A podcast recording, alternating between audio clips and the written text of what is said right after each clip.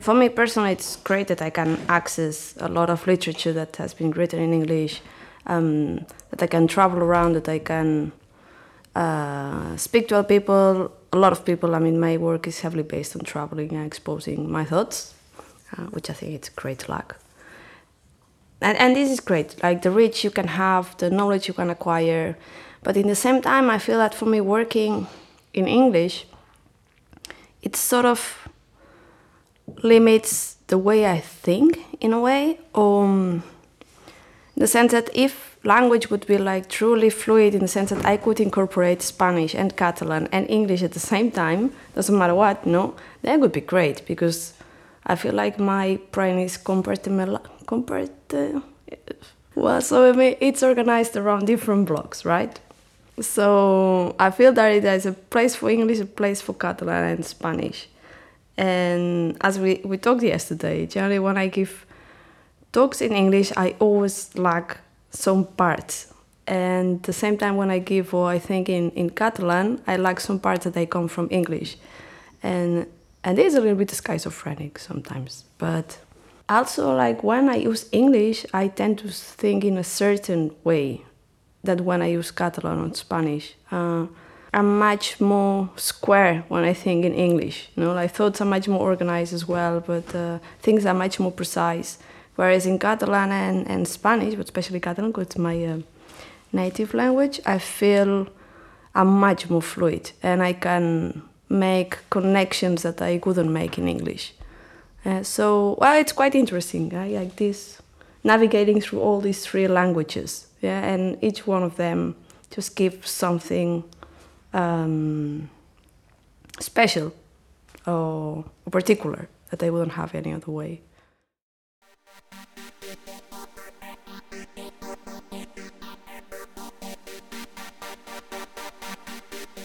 It is somewhat paradoxical that humans are able to smash particle beams together to study the structure of the subatomic world and map the genomic sequence of a novel virus in a matter of days. Yet, human made macrostructures such as tech companies remain opaque and inscrutable, but at the same time omnipresent. We seem to know more about the topography of Mars and the bonds in common polymers than we do about the inner workings of Silicon Valley. Tech companies are, in fact, also a type of polymer, from the Greek poly, many, and mer, part, infinitely fractional on the inside stuck to us but also infinitely withdrawn. These macroeconomic polymers operate under a thick crust of legal smoke and mirrors, which obfuscates not just their trade secrets, but above all, their supply chains, their personal data collection processes, and their environmental impact. Barcelona based artist and researcher Joana Moll focuses on different aspects of this hermetic web of infrastructures prodding various online platforms to probe into the services, practices, small practices, and repercussions at different levels. From the privacy breaches at the core of the online dating ecosystem to the carbon footprint of tech giants like Google and the vast, largely invisible web of data collection processes and its energy byproducts embedded in seemingly inconsequential Amazon purchases. Through a combination of artistic research, detective work, and an almost forensic approach to our own data trail, Joana's work exposes some of the most pressing issues of our data driven, data centric existence. Her research projects, talks, workshops, and art pieces slip through the cracks of corporate behemoths to make sense of their polymorphic nature and reveal some of the hidden layers that shape and sustain the hyper capitalist fractal. In this podcast, we talk to Joana Moll about interfaces and their social implications, about technocolonialism, agency, surveillance, exploitation, speculation, and why not, about laughter.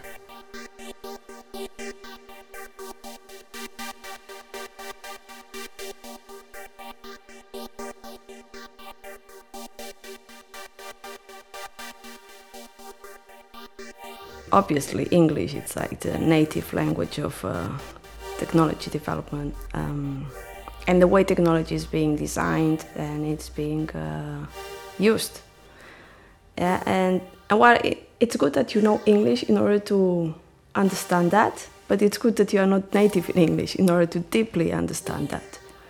And I think that people that we work in English, but English is not our own language, and when talking about techno-colonialisms, it's a thing. It's a very, very good uh, thing to have, like the non-English perspective.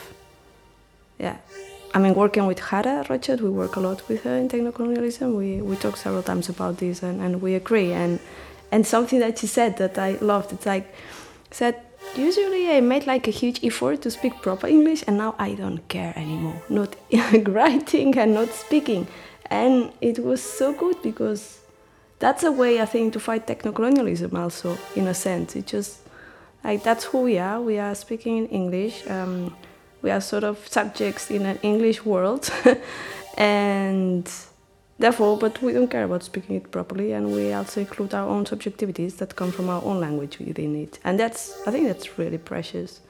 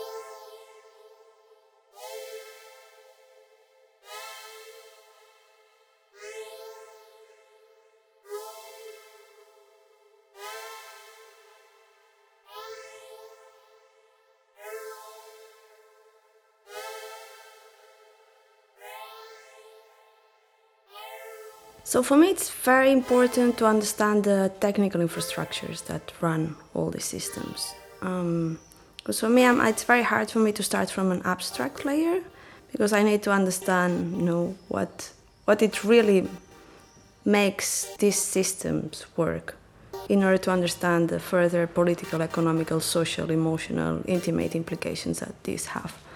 Um, so that's something that I've been working mainly in the last 10 years. Uh, I remember when I started to code, it was so revealing because suddenly I, I understood a lot of things about technique and, and how you can interfere with the technique and how you can also become like a very good ally with the technique, right? By uh, being some sort of a digital worker um, in the technical side. And, and that's how I've been doing this, um, like revealing special internet infrastructures, algorithms, how algorithms work, how code works, uh, especially what lies beyond the interfaces in terms of code, um, also in terms of ideology, uh, in terms of uh, business models, and especially in terms of environmental impact and energy use.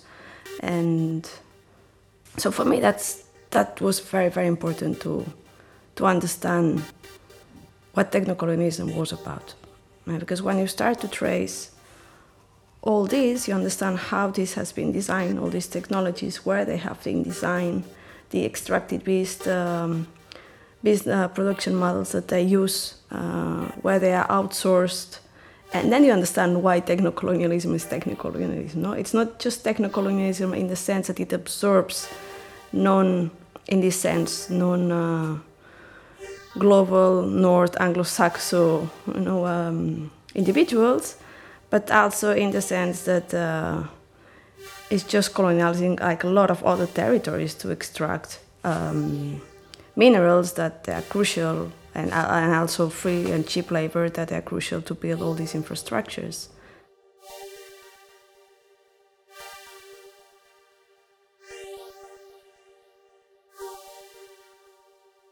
So techno-colonialism, um, it's a very, very broad word that involves a concept that involves a large number of um, of different um, events happening at the same time.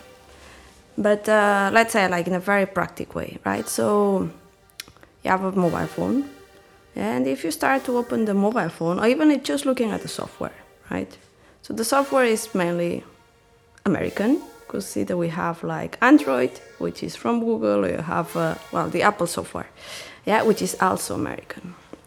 The way all these interfaces have been designed have been designed in a very particular context, uh, which is a social and economic context that's in the United States that have been mostly been designed by white males in their 20s, from their 50s, maybe, um, probably Christian, some of them probably are also Jewish, yeah, most likely.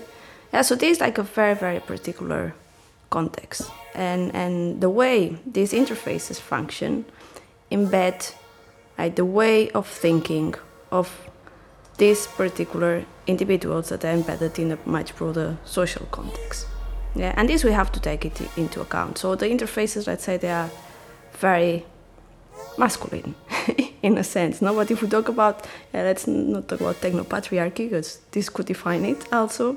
But uh, techno-capitalism, I um, techno-colonialism, let's say that that's this, and it's the way we operate with our mobile phones.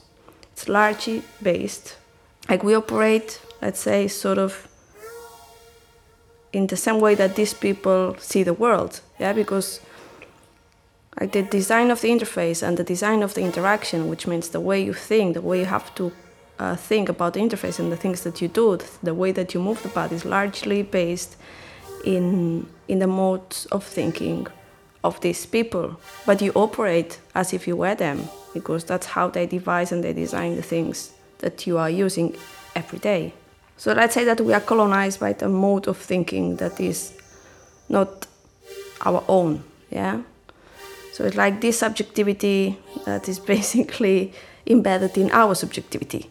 Yeah, and and I don't think that they play together. I don't think there is a negotiation. It's just like this subjectivity is matched your subjectivity, and when you're operating in this interface, you are just them. Uh, and this is one thing. And then when else you talk about te- techno-colonialism, it's more like in the in the user side, but the way these devices are being um, produced. So, a mobile phone is one of the most complex devices that has ever been produced. Apple disclosed in 2010 that one of its models, I don't know if it was iPhone 5, 6, 2, I don't know, I lost track, um, but it had more than 10,000 different parts. It used more than a third of uh, all the elements that we know it was uh, all these 10,000 parts that I mentioned came from 700 different territories and they were assembled by more than 300 pairs of hands. All these processes were offshored. you know, like all these things happen in other countries, yeah? And with China, Indonesia, Africa, uh, and you name it. And even it's, it's not, it's impossible to disclose like all these chain productions. Philips tried to do it with one of his products. I'm not sure if it was a, a toothbrush, electric toothbrush. It took them two years to understand how their product was actually built from zero to uh, to 100, and they couldn't find it out in two years. And with all the resources they put in it, yeah. So in a sense, like all the production, like really physical production elements, materials, being outsourced it's not happening there, you know. And we know all about uh, cheap labor, um, people that works in the mines that work in very, very traumatic conditions. So this is like so. I mean, it, it's just like an amount of old colonialism, right? But uh, let's say now it's techno-colonialism because it's built, or its purpose is to build technology. But it's just like old-fashioned colonialism. Yeah. If they wouldn't be opaque, a mobile phone would cost 1,000 times more what we pay for it. Yeah, because if they would not be opaque, like all these chains of um, supply chains, would mean that um, all the people that are involved in this supply chain, they would need to be paid decently. They would have to have like decent working conditions, and um, you know this has a cost. Uh, so there's this pyramid of uh, like how much it costs. Like uh, one person that works in Silicon Valley, right? The people that design and, and engineer all these things, and the rest of the people, yeah, that also they have a critical uh, role in producing all these devices. No, the guy that is just uh, taking the coltan out of the mines, or the person that is uh, in charge of assemble all these um, components. I mean, it's dramatic. Yeah, I'm not sure about the the numbers now, but. Uh, but well, it's just like same thing as the elites, right? Like the 1% and the 99%. So it works the same way. Um, and the thing is, like, maybe we should have one mobile phone for life, right? and that's it. and then we'll probably be able to afford it.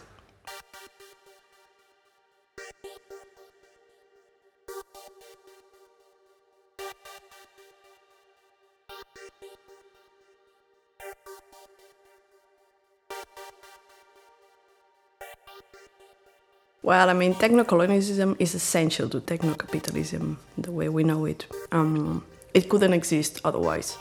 So um, yeah, it's it just as old colonialism, it was essential to capitalism as we know it, right? Because it's about um, yeah going extort um, other countries, take back all the um, precious thing that will make the rich wealthy, and just leave all these countries super destabilized and um, yeah, I'm, I'm, basically poor. Um, so it's just really the same rhetorics.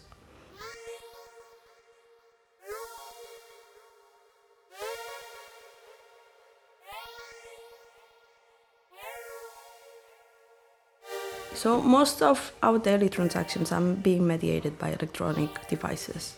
Mm.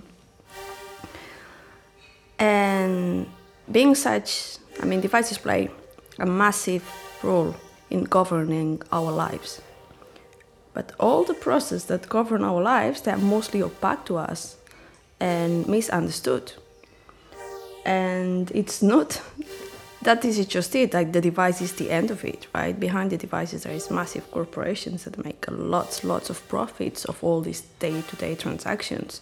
And they're just becoming more and more and more powerful and and also all these processes have deep uh, political, environmental, social implications that we should be aware if we want to keep our, let's say, political, as if we want to be active political agents. yeah, if you don't care, then well, you don't care, then you don't have to mind, right? But if you really care about sustainability, really care about um, democracy, uh, and you just want to be, I think free individual is quite utopic, but just like an active or somebody that has agency in in the world that you're living in, then it's imperative to know all these processes. Because it's like a system of governance that it's far from being democratic, and we use them every day. This is an inheritance of, um, of capitalism, right? That um, the responsibility is on the user, and we tend to think that we have to be responsible of every single action that we take, and if we don't do it right, then we are just uh, a bad citizen, right? And that's a huge mistake because we are acting in terms of technology, we are just operating in systems that are much larger than ourselves. And as an individual, we don't have much agency to modify anything. Know, it's a systemic problem and has to be resolved at a systemic level. And and I agree. I mean, the way we are living, it's just impossible to assume individually or to devise any action that would um, initiate some sort of positive change. You see, this is like very techno uh, colonialism, like uh, language colonialism, whatever, you know. I would never say this in Catalan. But um, um, so the thing is like we need to organize ourselves collectively, and it's a political thing. But still, it's it's very it's very hard because even myself, like I'm criticizing all the systems, I'm looking on them, I'm using them every day, and basically my work runs on all these systems. That doesn't necessarily mean that it's a huge con- uh, contradiction, but it, it's really hard to think about um, solving or how to solve this in a collective way. But the, the solution is there. Solution, if there is such thing as a solution. Let's say like a next move, it's there, yeah, and then we'll see what this will will eat on. But it, it's really a political issue. It's not a guilt and responsibility on the individual issue at all.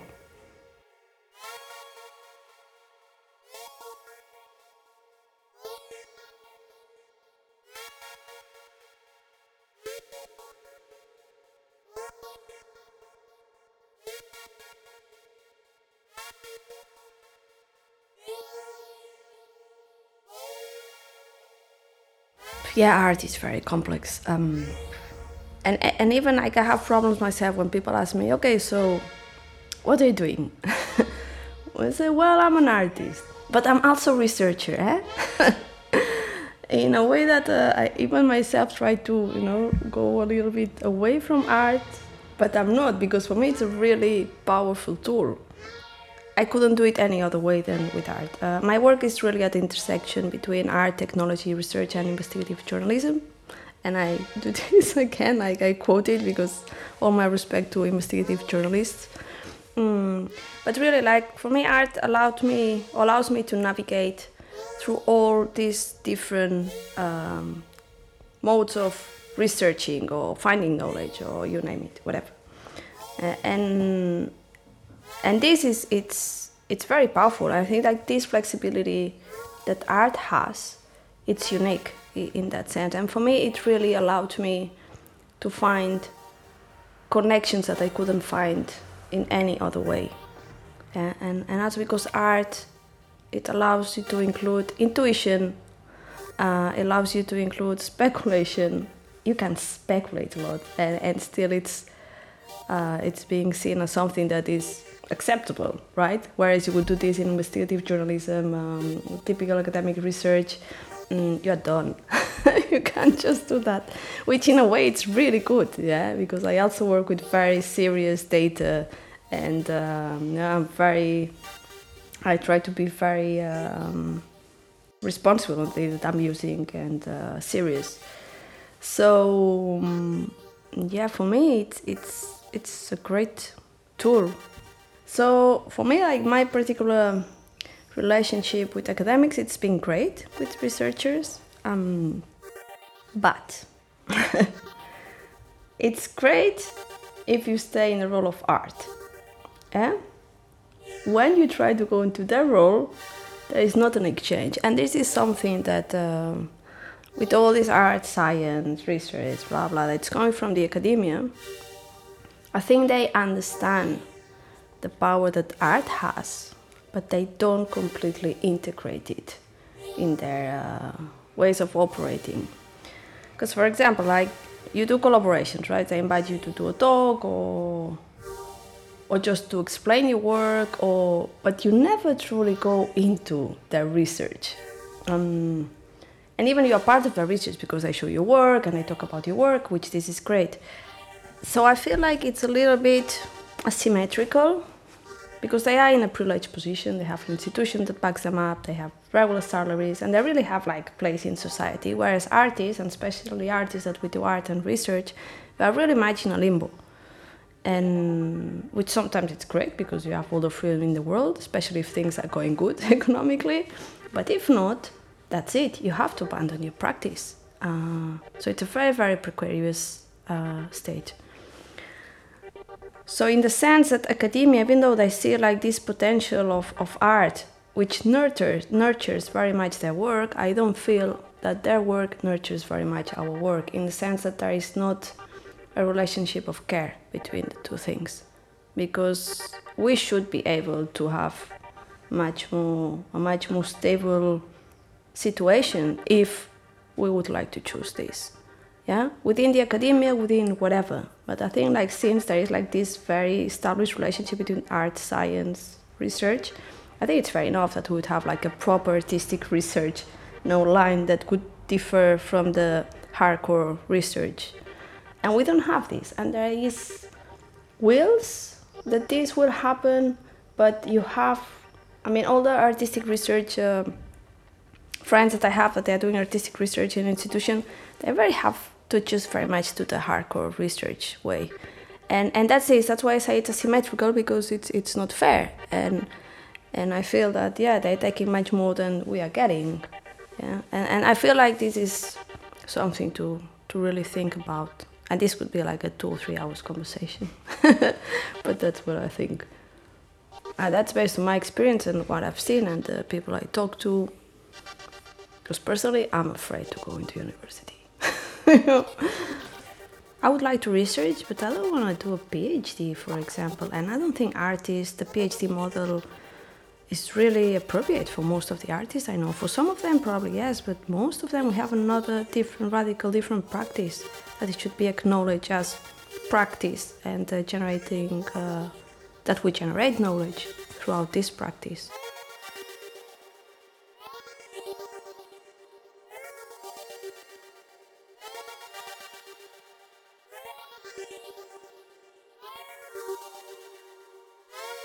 Feel my my work is really straight to the point. I, I don't I don't use or I try not to use. My intention is not to use it at all, like um, unnecessary noise. But again, this is from my own perspective. What's unnecessary noise, right? So it's very subjective. But I try to do things very crystal clear as much as I can, um, because I'm tackling very, very, very complex issues, and it's not something that my work should like truly speculate about many many other things. I think that very much what i want to say it's embedded in the work itself. Uh, and of course there is like a lot of other vectors that can be drawn from the work which is something that it's great because at the end i'm starting a conversation sort of. But it's really like i feel like what i'm doing it's very much sum up in the work itself with something it's very tricky to do this because it's just to it's not reducing complexity but it's uh, making things very simple. It's a little bit like art for dummies in a sense. no, I mean I'm kidding, but uh, you know it's um, that even I explained it to my grandma and she understood it. Uh, and this actually this I felt it was like a huge uh, accomplishment.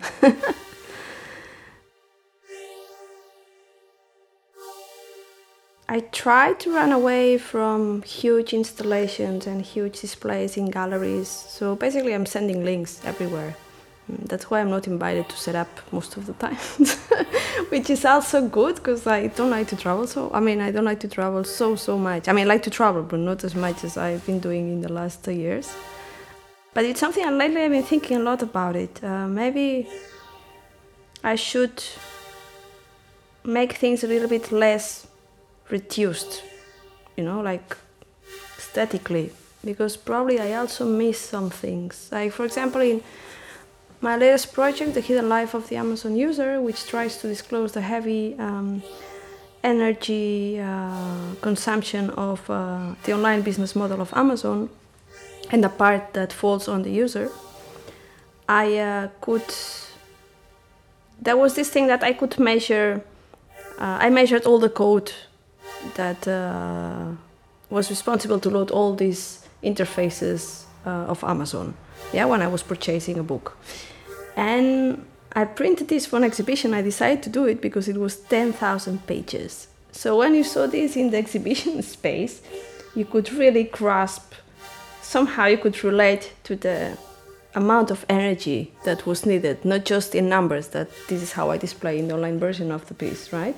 So this is also important, but I don't know, it's something that I'm, I'm, I'm working on, and I still don't have very clear direction. I have to admit, but I'm just trying to not simplify so much in order to explain things a little bit better or to just take other perspectives that are also important.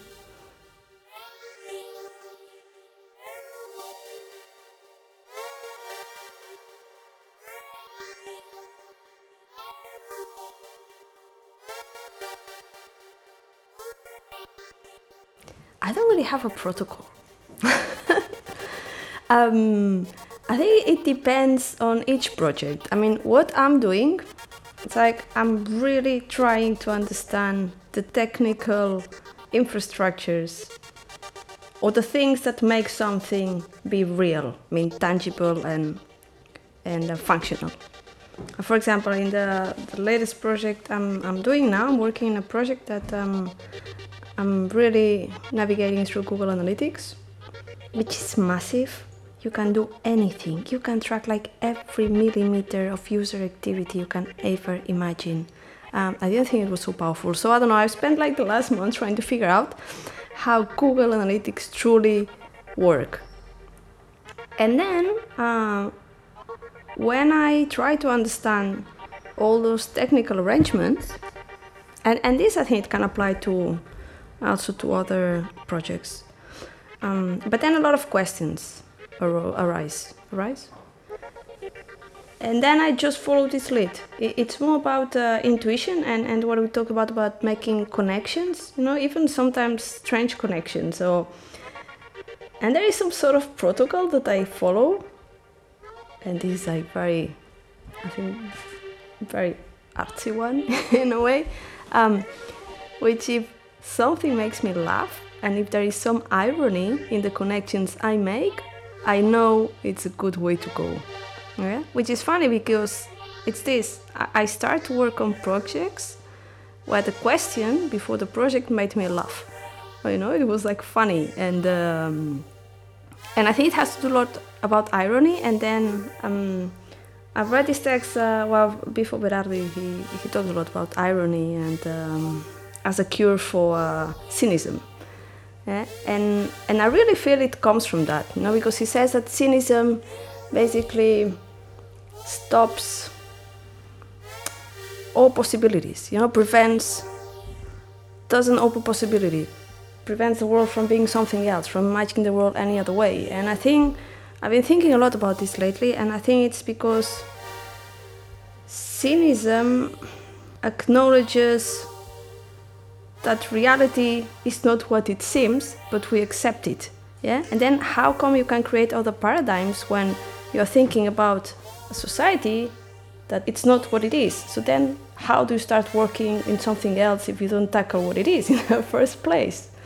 And he says about irony that it opens this world of possibilities because includes I mean, my perspective, like all these other connections, all these other questions, and, and it breaks some sort of stiffness in a way.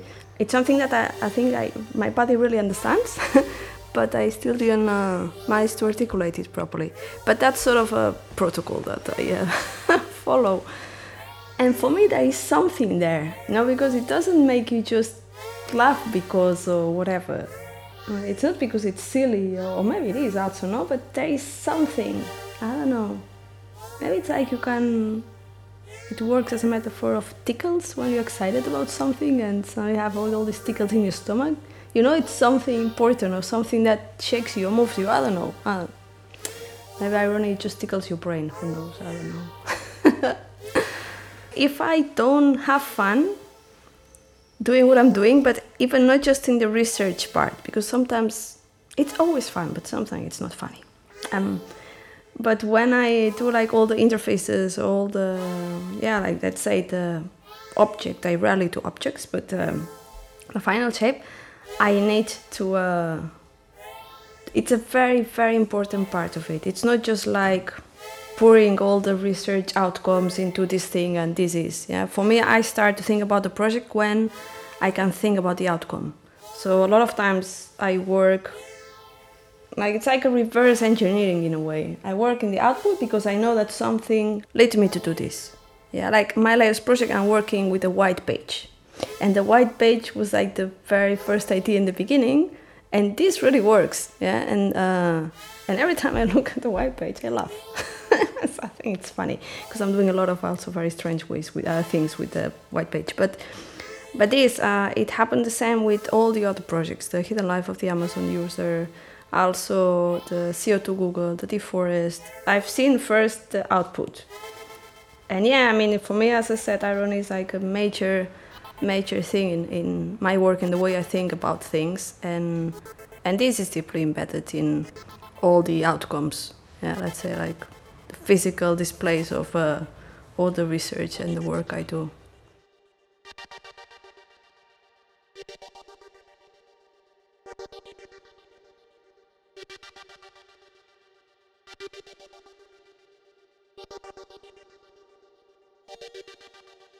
Yeah, it's interesting because I tend to think as my trajectory since I started to work with uh, code algorithms and and infrastructures. Yeah, it's, uh, and I don't know why because yeah, I mean that led me. I mean there is story that led me there. So yeah, I remember like the electromagnetic um, experiments. Actually, it drove me the same interest, which was revealing those hidden layer of things that were occurring at the same time, but we weren't unable to see. So I remember when I did this experiment, I lived in Tel Aviv for five years, and I went to this um, Misrad HaPnim, whose name it's like the interior minister, where you have to do all the visas and all the stuff. And I mean, this is where people does aliyah. Aliyah means like when you turn into Judaism, and then you get a straight away an Israeli passport. So it's really like an uh, ideologic bureaucratic machine, this building. And I was really curious because it's like a very stiff building, you know? It feels like it's not. Uh, I don't know how to explain it. You have a feeling like a lot of things were happening there, and you were like a crucial part of it, but it was very, very opaque and very stiff. Mm, very hermetic. It had like this feeling like you were almost in an iron box. So I just went with my coil and uh, I used an iPod. You know, I use like a coil connected to a jack and I connect to the to the iPod I had then. This was 2008, and I just went and you know like analyzed all the all the walls, know, looking for strange noises and ghosts that might talk to us in that. Uh, in that building in a way to, to break this hermetic and this stiffness. And it was very interesting. I, I really liked the outcome. Uh, so I were all over the I was all over the building, and but nobody told me anything, because I really expected at some point some guard to come and say, yeah, "What are you doing?" Nothing. Nothing happened. It was really like the same thing that drove me to do this, like hidden layers of reality, things that were happening but we couldn't see and, and then I did this, but this was a master degree project. I did this visualization of uh, coils of electromagnetic fields through wires, just to understand how things were moving and, and how electromagnetic fields affected objects and us. And yeah, I, I miss working with sound. I think that's gonna be one of my biggest frustrations when I'm old. Like I didn't work with sound enough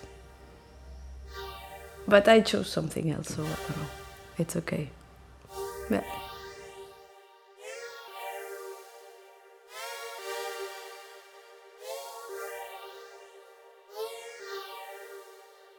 Yeah, the thing is, it's funny because this uh, the title of this workshop, um, it was Hara's idea.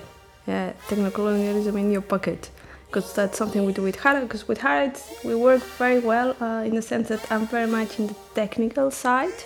Well, not just technical, political, and and she's able to draw all these vectors to some other layers that are more abstract in the tangible way, but they're not abstract at all because it affects our daily life like in a very dramatic way, and, and work very good on that.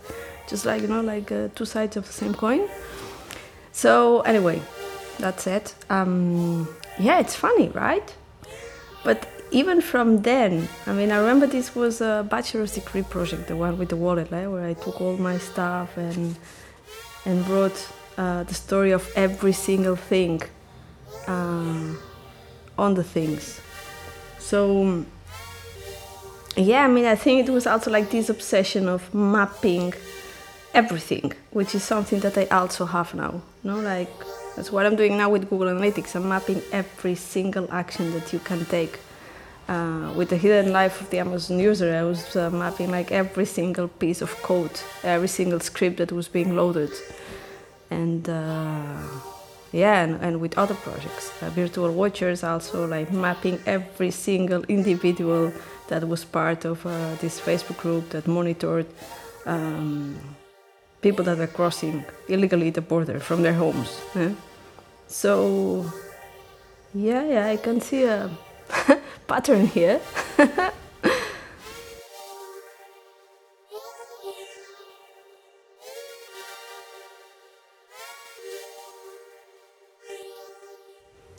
so I learned to uh, code first by myself. Uh, remember, I was in when I was living in Israel. I did my first web page myself without knowing anything, you know, step by step, a lot of patience, a lot of practice. But it was really fun because by uh, learning it by myself and not having like a real clear path of how things had to be done, I also understood how to hack a lot of things. Just by mistakes, like, okay, maybe I can do this that way. And it worked, but this wasn't the proper way, right? Um, and this was interesting. And then I went to study a master degree in digital arts in here in Barcelona, and there I uh, they taught us how to code like properly. I mean, of course, the beginning because it was one year course, but there I learned a lot. Basically, because I used it a lot, and and then just then like using it and yeah, but it was really there. So I can say that from 2008, nine uh, code is like very very present. And i do code most of the things that that i do. I'm always involved in it. Like the most complex projects that i did i always had help which is my partner which is an engineer so that's very handy. But the rest yeah it's it's and it's something that it's very important for me because it's like being involved hands on for me i couldn't just work with things that i couldn't not it's not control but to touch, you know, or manipulate them myself. Um, it would be very frustrating for me. I couldn't do it.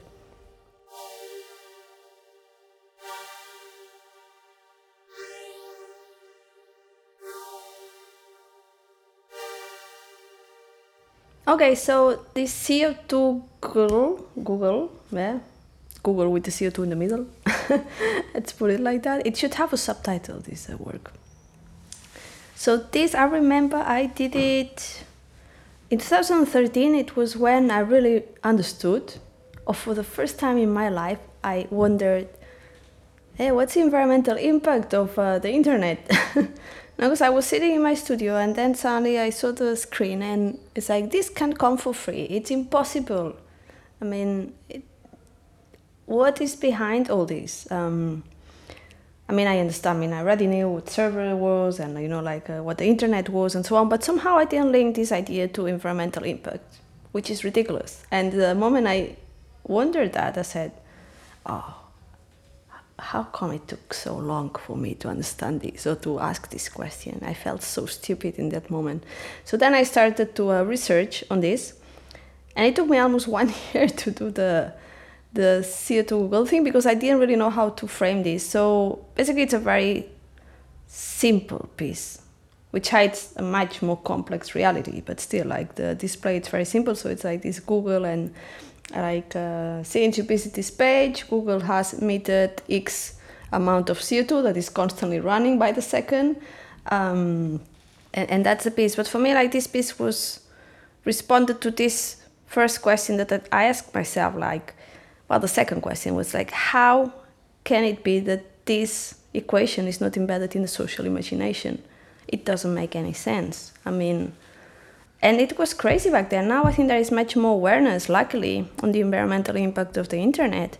But back then, I mean, you would say this to people and they would be in shock. But the second a sentence I would say after I would say, yeah, well, the internet, you know, data is, it's not environmentally friendly, said, ah, of course.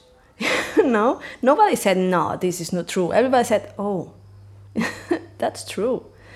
Yeah, and, and that's why I felt that this was a very important thing to keep on investigating and and hence the other works I did on that respect and things I'm starting to work on. It's the other side of the same coin of the of this project because I felt like numbers they say a lot but at the end they don't say anything. Yeah, they don't really I don't think you really can understand the reality that numbers are trying to explain, in the sense that you cannot grasp it in your body eh, or, or, what it really means. Uh, yeah, that, that's tricky. But uh, in the Google piece, um, the CO2, you could see a lot of numbers, yeah, that they were running very, very fast and they were increasing very, very fast. And suddenly you had like a massive number, and you knew that this wouldn't stop forever. So this is a lot of information. But what 100,000 kilograms of CO2 mean, we have no clue, right? You cannot relate to this. Uh, and even if I tell you, yeah, it equals like 100 cars driving uh, 70,000 miles for two years. Okay, you know, so what?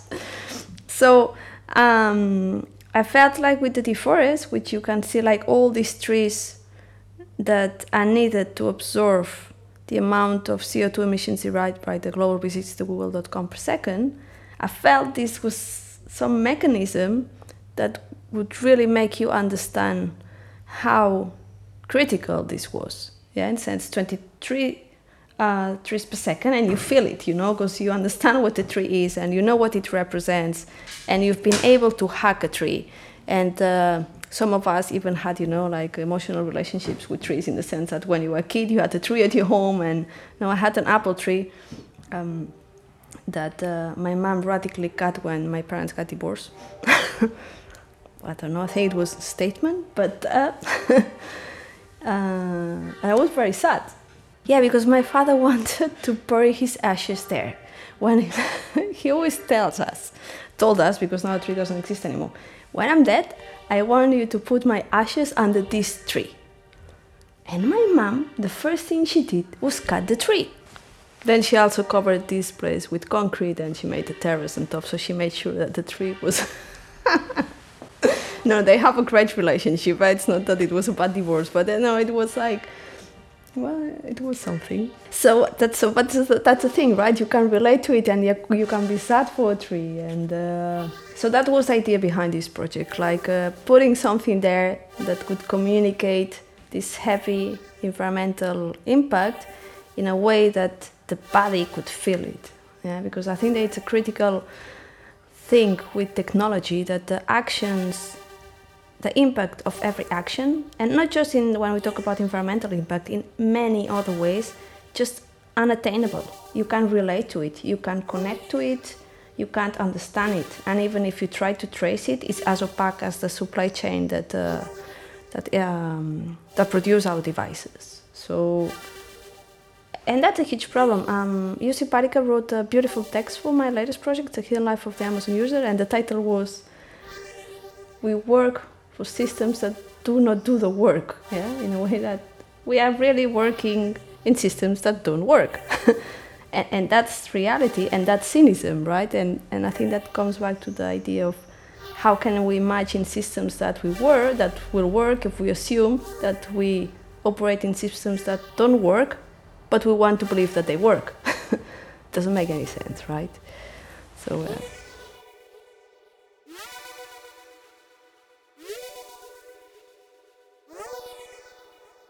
First, you're absolutely right, and I think that in my work, there's something very mean that my work does sometimes, which is like depressing people very much and leaving them like, oh, but what should we do now? Eh? And they're absolutely right. Um, but in a sense, for me, things that I couldn't, for me, first, it was very important for me to understand all the technical infrastructures and all these processes that, as I said before, govern our lives. And it's very important to understand all this, to understand what do you need to tackle. And this is not a fast process, sadly, because it took me years to understand this. And I couldn't devise a course of action before understanding all this process and dynamics, which I think that finally I got to understand them pretty well. uh, so I, I felt I, I wasn't in a position either to propose a course of action because I had no clue what should be done. Literally, um, other than talking to people and raising awareness, and as I said, like in the workshop workshopping part of my work and lecturing, also discuss a lot about these issues. What should we do? And it's true, and, and I feel like it's this represents a lot what art does in, in a way. But then I've been thinking a lot about this. Uh, but you think about research and investigative journalism and, and many other things, I also just putting the problematic there, criticizing it. But the call for action, I think it's really like policy making and the activist side. Um, I have some faith in some policymakers, some not. But, but it's hard because we are not trained since the school to, to think about doing things. I remember in school it was all about repeating stuff, knowing stuff, showing that you know stuff that other people knew before you. Yeah. And yeah, no, no, it's tricky. I mean, it's something. It's something that I'm trying to identify and work in it uh, in my next projects because I think it's about time and it's about time to take action. But I also feel that it's very. You have to be very careful about proposing one course of action that is coming just from an individual will. Because, as I said, I think when you do anything, you have to include a lot of other sensitivities, which is also very hard, and you have to negotiate uh, with a lot of other things, humans and not humans, in order to uh, devise some actions, because actions can can be deadly also. And and it's something that personally I've been quite afraid to uh, put out there.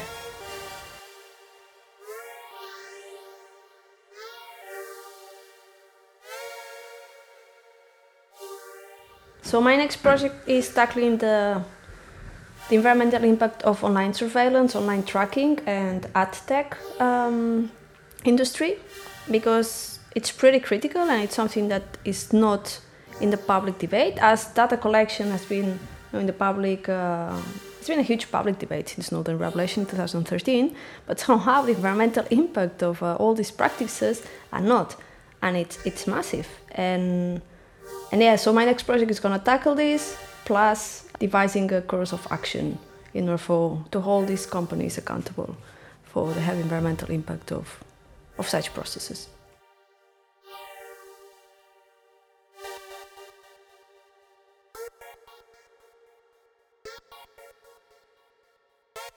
So, okay, Algorithms Allowed, it's one of my favorite projects ever because I had so much fun when I was doing this. So this started when um, when a friend asked me to uh, do some random piece or like uh, something silly for a very weird exhibition in eBay. So you had to do as an artist like a object that you would like to sell on eBay, but it had to be like a stupid object, something that you would never expect to sell on eBay. So of course I was working um, with the online tracking ecosystem already for a few years, and I just said, "Oh, what if I could find the Google Analytics cookie in a North Korean website?" And then I started to laugh, and then I said, "Okay, okay, that's good." and I went to the official North Korean um, uh, web page, whatever that is, it was like an official North Korean or Republic of North Korea webpage or and I found Google Analytics there. And I felt that this was very fun. And I said, okay, okay, so that's it, right? Because it had to do something fresh and, and fast. And so I copied the code of the cookie that was found in the web page.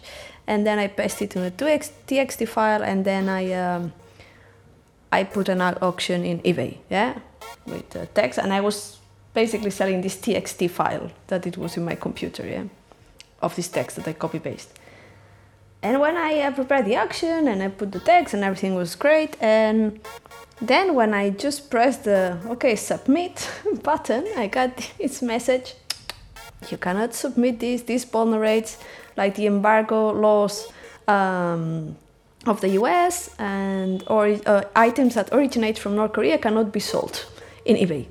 it's like excuse me, you know, I'm just trying to uh, sell like this TXT file with code that basically it's American, but it was found in a North Korean webpage, but it's in my computer in Barcelona. So what are you talking about? It's like, yeah, yeah, whatever, yeah, yeah, just go on. And then I got the same message in red. You cannot sell this, or we are gonna ban you from eBay, blah blah blah. And I said, okay, that's super ridiculous because uh, they're telling me that I cannot do this. Uh, but this is not North Korean, this is American, and this is in Barcelona. So what? And then you you you can't stop but about all this agency that code has or algorithms that they were banning me from doing something that was completely legal. And this was a stupid thing, right? But it could have been anything that couldn't have been stupid. That could have been critical for my life. Um, so then I started to investigate. I said, okay, so there is something and I went to the Office of Import and Exports of the US that tells you basically which countries they have a heavy embargo, and it's Sudan, the region of Crimea, North Korea, and Cuba. And they explicitly said that there can be any commercial transaction between these countries and the US, including data and software. So the US was clearly breaking these laws by allowing these countries to have Google Analytics in their site. Because when you have Google Analytics, all the data that Google Analytics connect is going to uh, servers that are in the US. But the thing is, like, Google didn't put the cookies there. The webmasters of those websites put the cookies there. So there was this very strange diplomatic problem between algorithms and human decisions that didn't make any sense. So I started to explore, like, um, cookies. I Google uh, Analytics cookies in Iran websites, Cuban websites, Sudan websites, and I could find Google Analytics cookies in the official um, president of Iran website, on the Ministry of Defense of Iran website, on the e-government in Syria, in the Communist Party in Cuba, which I think this was hilarious, right? And and well, that's the project, just showing this, yeah. Mm. Because I think it reveals something that is very stupid, but it's very critical at the same time. And it's like this gray area that nobody took care of. And, and you can see then like all this hidden life of all these code algorithms, high tech companies and governments at the same time, right? Yet they contradict their own laws. Nevertheless, they keep on making money.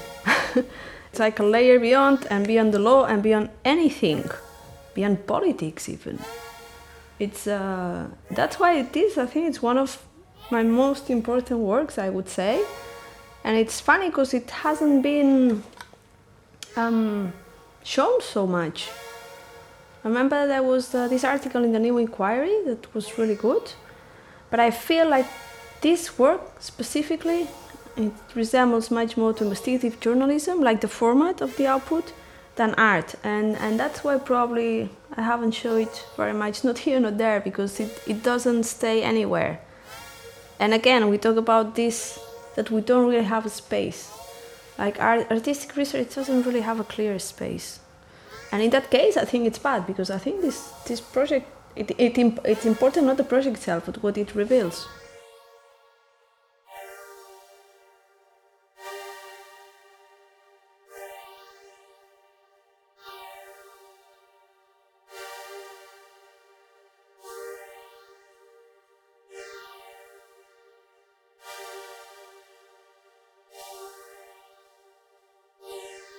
So dating brokers um, was again a very funny start. So I I decided that I should because I've been researching all this data collection ecosystem and all the billions that you know they took part on the process and analyzing and criticizing all this process and, and dynamics whatsoever. So I felt okay, maybe it's time to be in the dark side, right? maybe you should try to buy some data and, and, to understand how things work from the other side when you are actively operating on the other side. and that's what I did. So I went to, I opened Tor, no, trying to make it you know, a little bit uh, undercover. I just went to Google and I put by day T. Instead of the A, I, I pressed the I, and then Google, um, they just filled in it just filled in the rest by dating profiles. I said, oh, why not? right? Uh, so that's what I did, and after I did this, I mean, I uh, I got like a bunch of of different um, results, and I just put data, and I did the whole thing in less than two hours, and uh, I could buy one million profiles for 136 euros. And this was insane, right? uh, I got 5 million pictures with pretty detailed information or, on all the users and and said okay this is insane how on earth this is so easy so I started to research about the online dating industry dynamics and I realized that exchanging profiles from one platform to the other is something that is very common because dating sites need a constant um, traffic of new profiles in order to increase matchmaking and in order to increase anything. And that was one thing. And then I started to do some sort of uh, reverse engineering process to understand where these profiles came from because the company I bought them from, they, they wouldn't disclose it. They say it was an industrial secret. Yeah, whatever. And, and then I found out that this was part of uh, a website that was called Plenty of Fish on my profiles that was part of a company that was called Match Group. And Match Group is the biggest dating industry company in the world. Uh, they have uh, brands like Tinder, like OkCupid, like Match, and anything that uh, is very, very successful.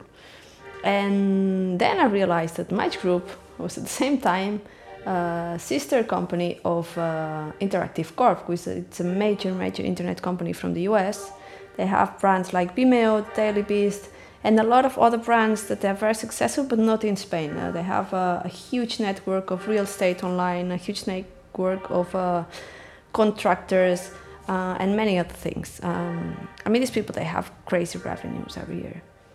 Then I, I did another side of research to analyze all the third parties that connected to all the websites that I visit, which was a total of uh, almost 700 altogether.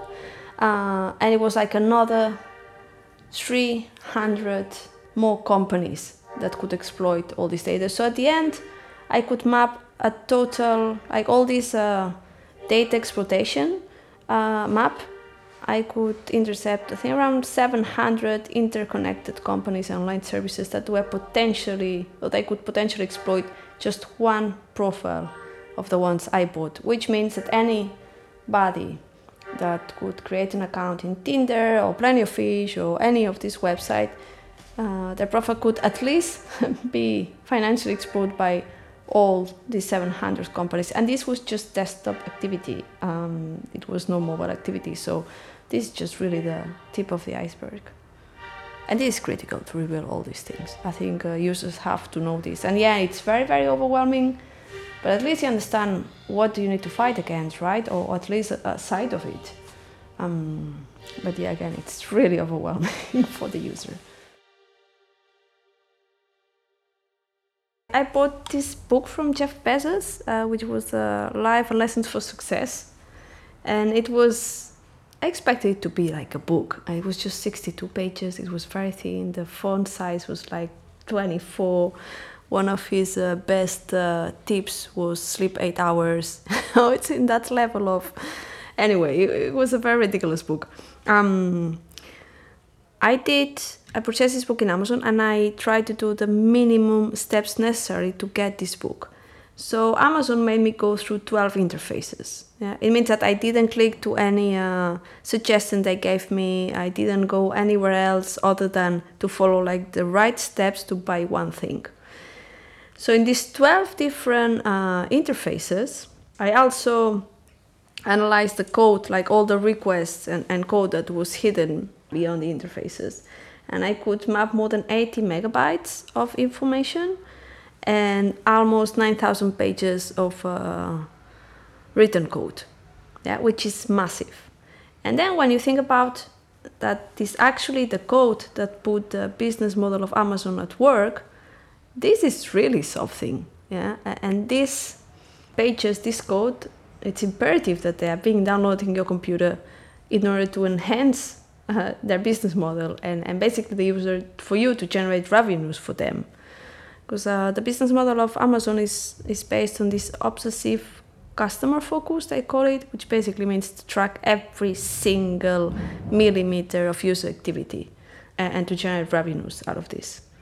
Which, uh, yeah, basically they customize the site, uh, website for you with the specific suggestions, and they also use like all sort of behavioral data, but who knows what. Yeah. So anyway, that's that's the project, and and what I really wanted to show with this project by showing all these 9,000 pages of code. And, and I also showed the energy that my computer took in order to download all these pages and to operate all these 12 interfaces. I wanted to show this hidden layer like we are aware that companies are exploiting us and that uh, anything that we do on a website it's gonna translate into revenues for them. So you know just like basically we, we have free labor and this is something that well we've been talking about for quite some years already. But it's this other twist of part of the energy consumption of to execute this free labor for them falls on the user as well. Because all this code and all those interfaces are being downloaded in our devices. Yeah all this tracking code all this customization code. And and we don't tend to think about this in that way. And this is critical. And this is something that i'm tackling like in the version 2 of this project the new one i'm doing. Yeah uh, i'm tackling much more directly no through google analytics. But that's what i wanted to show. So the whole piece i put like all these 12 interfaces uh, and all these 9000 pages of code in a single page which is just a very long scroll it takes you about 15 minutes if you scroll you know like religiously with the mouse and the wheel and just scrolling down and i sort of deconstructed this in order to make this much more evident. Yeah, that's like very labor intensive. And, and that's a lot of code and that's a lot of material, that's a lot of electricity, and, and this falls on us. And those companies are not being held accountable for this. Yeah, so it's like this other side of the coin that was already quite unfair, and you just keep on adding layers of uh, unfairness to it, and uh, I would call it making the the user more and more for any right whatsoever.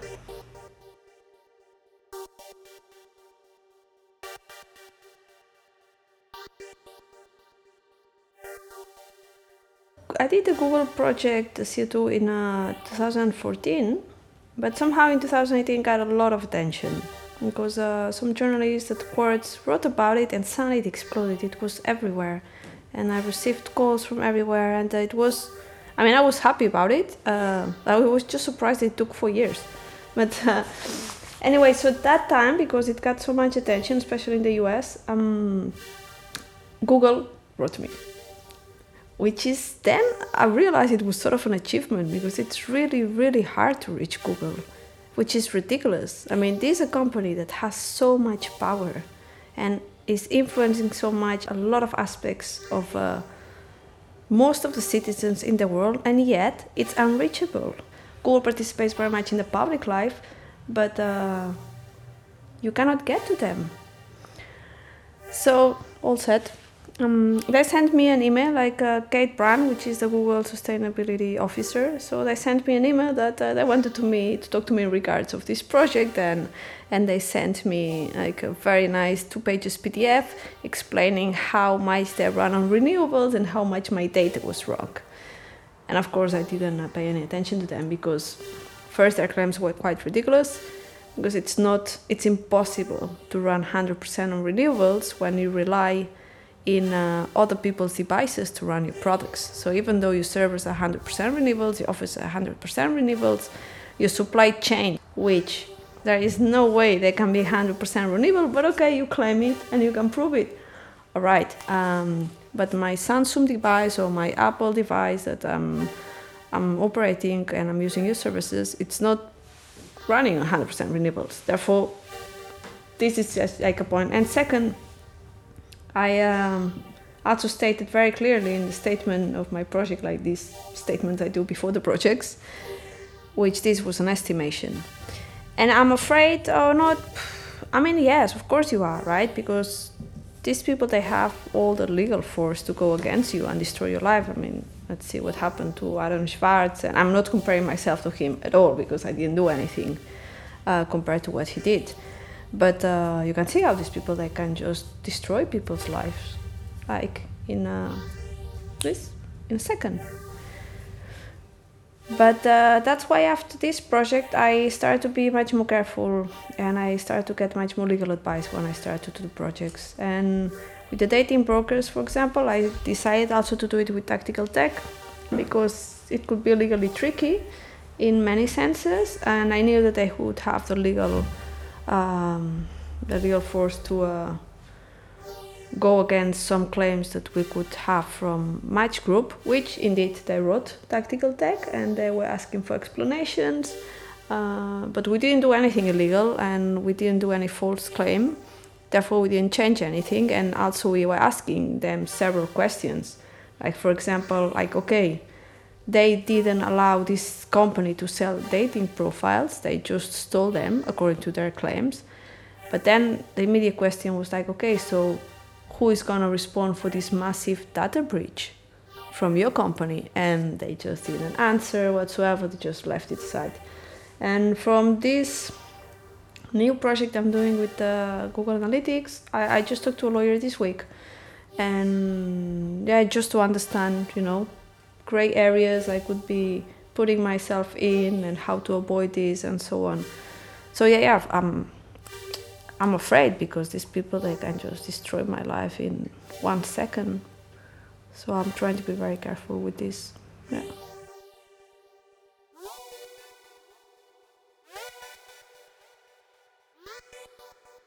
When the only thing we can think about of solving such a critical moment and a critical issue is another app, I think there is clearly like a very uh, huge crisis of imagination where we can just think that there is a technological solution to anything and that has to be the way uh, because it's just like another layer on top of another layer on top of another layer instead of looking at what fails in a systemic way.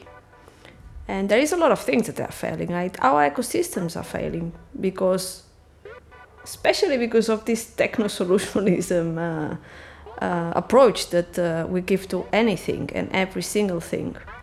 Mm, and uh, there is also systemic failure in terms of economic privileges, yeah, like all these offshore accounts and tax evasion and and all these rich people getting richer and paying less and giving back less, like all these giant IT companies that they are pushing uh, towards techno-solutionism approaches to the crisis uh, in order to get more rich and in order to hide more money in offshore accounts, in order to uh, disturbing more our ecosystems with yet more technology.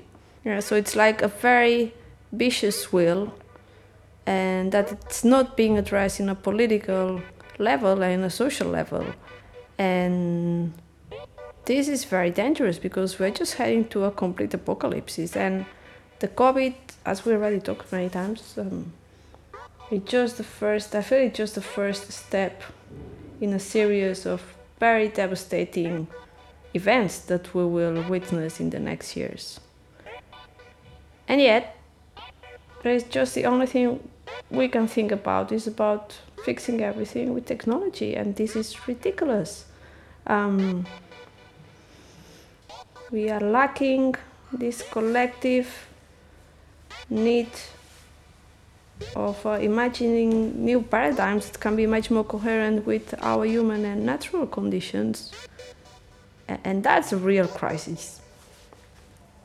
And, and I really don't know how we could approach this because we need time, we need money, and And a techno solutionism approach is exactly the opposite. It's just telling you, just keep on working, just keep on making the wheel turn, uh, because we want to fix this with this, and that's it, right?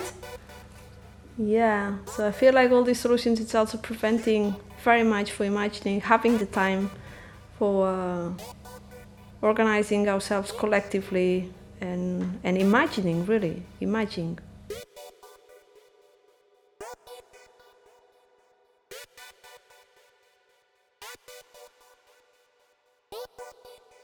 feel there is something very dangerous because now we are on the verge of breaking another border in terms of surveillance. So since the appearance of the panopticon, you know, like it's the first uh, mega structure of uh, surveillance that was devised by Jeremy Bentham, I think in the 18th century, right? So all these uh, tracking devices or surveillance devices, objects, have become increasingly closer to our bodies. Yeah? Uh, to the point that now we carry all these devices in our pocket and, and we use them every day. Most of our transactions, as I already said, are being done through those devices. And, and really, really, they are really attached to our bodies. And, and with this COVID uh, crisis, this will go a step further. This will go inside the body and will start controlling uh, biorhythms, biological rhythms. And our biological rhythms are going to be quantified and commodified at large. And again, for elites to make a lot of profit out of it, and especially high tech and, and government, insurance corporations, security corporations. And of course, we're going to have some side benefits of, for the sake of security and well-being, right, for us. And, and they're going to sell it to us like this. They are selling it to us like this. But I don't think we are ready as a society to understand the major implications that this will have for our life. And, and we need more time to understand this. And also, it's being already said, but people that has been developing these apps, that even if we have these apps, there is a very small percentage of chances that these apps will actually work and, and prevent the COVID from expanding. Yeah? But it will be very effective on breaking this border and, uh, and assume and making society assume and accept and take as a standard that biorhythms now will also be capitalized. And this is very dangerous, and I can't believe that people that are thinking about developing these apps, people that we are very much in the same political side, they're working in this. It's just like, I don't get it. It's like, people, think further, you know? Uh, this is very dangerous.